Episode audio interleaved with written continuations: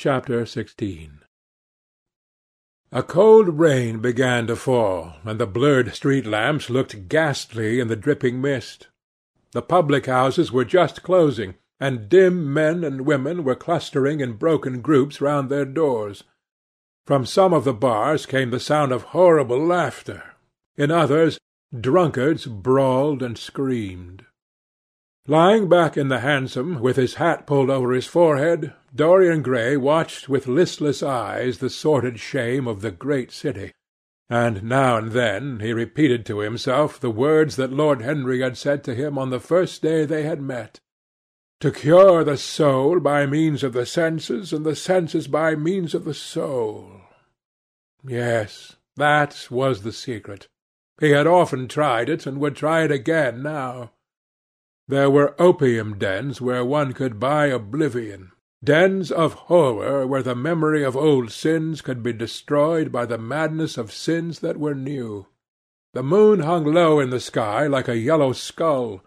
From time to time a huge misshapen cloud stretched a long arm across it and hid it.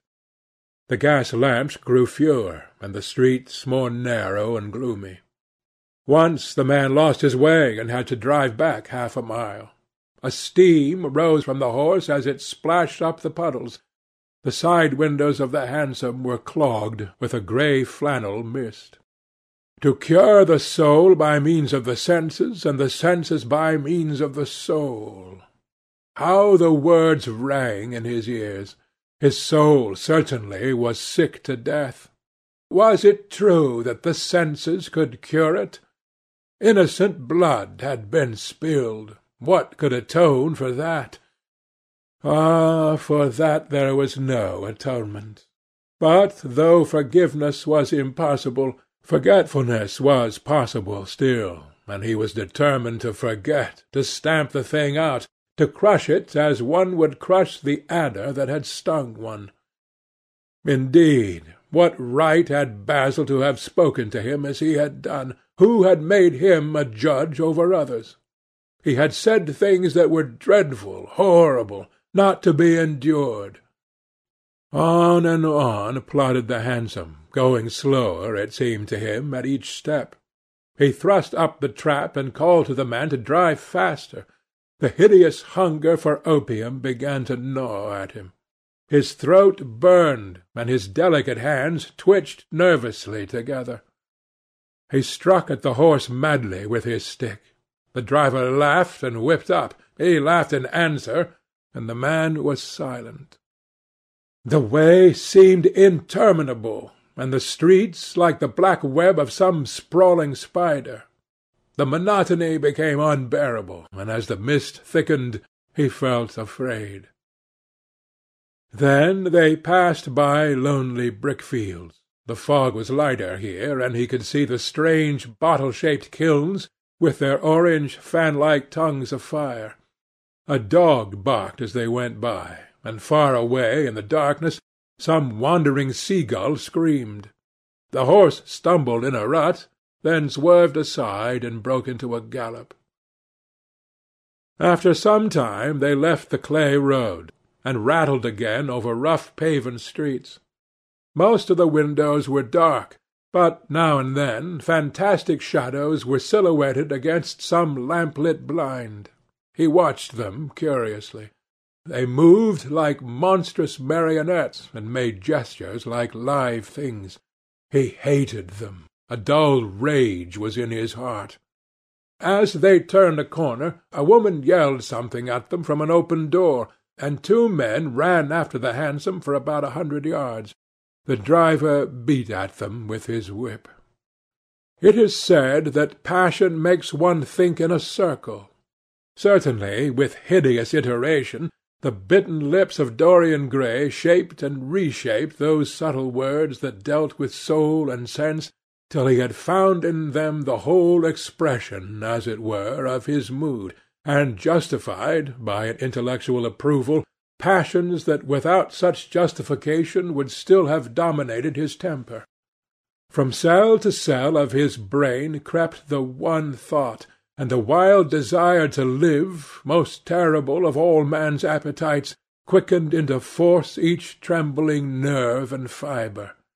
Ugliness that had once been hateful to him, because it made things real, became dear to him now for that very reason. Ugliness was the one reality. The coarse brawl, the loathsome den, the crude violence of disordered life, the very vileness of thief and outcast were more vivid in their intense actuality of impression than all the gracious shapes of art, the dreamy shadows of song. They were what he needed for forgetfulness. In three days he would be free. Suddenly the man drew up with a jerk at the top of a dark lane. Over the low roofs and jagged chimney stacks of the houses rose the black masts of ships. Wreaths of white mist clung like ghostly sails to the yards. "Somewhere about here, sir, ain't it?" he asked huskily through the trap. Dorian started and peered round. "This will do," he answered and having got out hastily and given the driver the extra fare he had promised him, he walked quickly in the direction of the quay. Here and there a lantern gleamed at the stern of some huge merchantman. The light shook and splintered in the puddles. A red glare came from an outward bound steamer that was coaling. The slimy pavement looked like a wet mackintosh.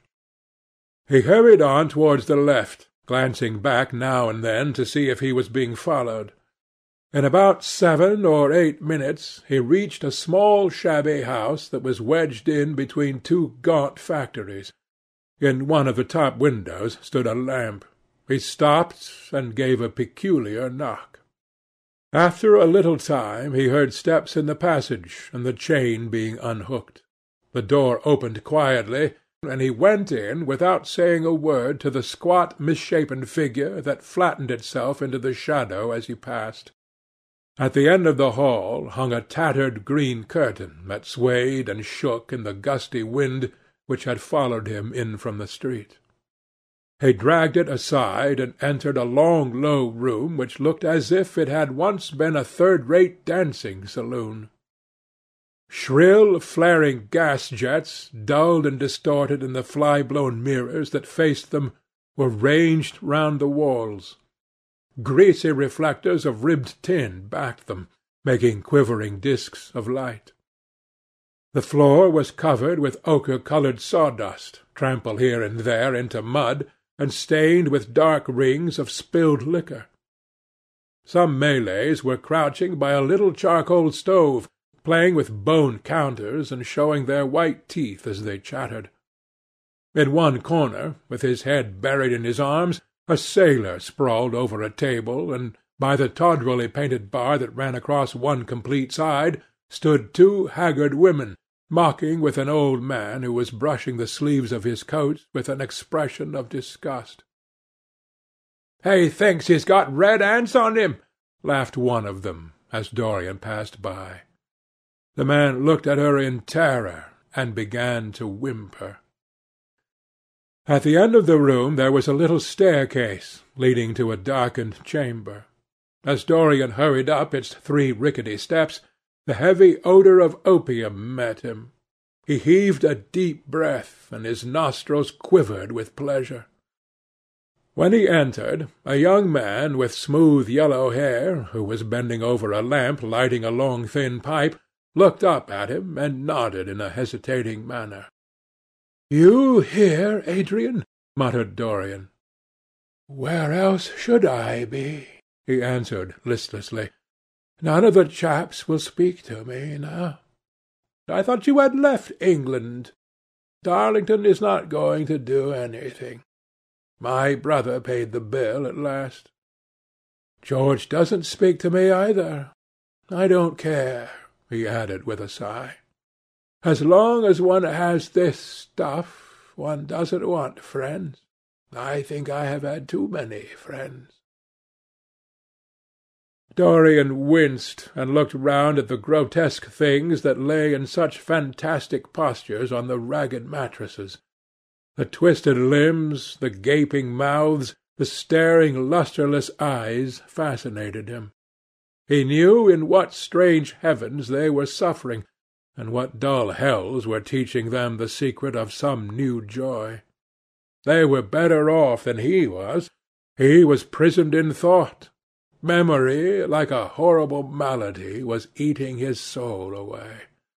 From time to time he seemed to see the eyes of Basil Hallward looking at him. Yet he felt he could not stay. The presence of Adrian Singleton troubled him. He wanted to be where no one would know who he was. He wanted to escape from himself. "I am going on to the other place," he said after a pause. "On the wharf?" "Yes. That mad cat is sure to be there. They won't have her in this place now." Dorian shrugged his shoulders. "I am sick of women who love one. Women who hate one are much more interesting. Besides, the stuff is better." "Much the same." "I like it better. Come and have something to drink. I must have something." "I don't want anything," murmured the young man. "Never mind.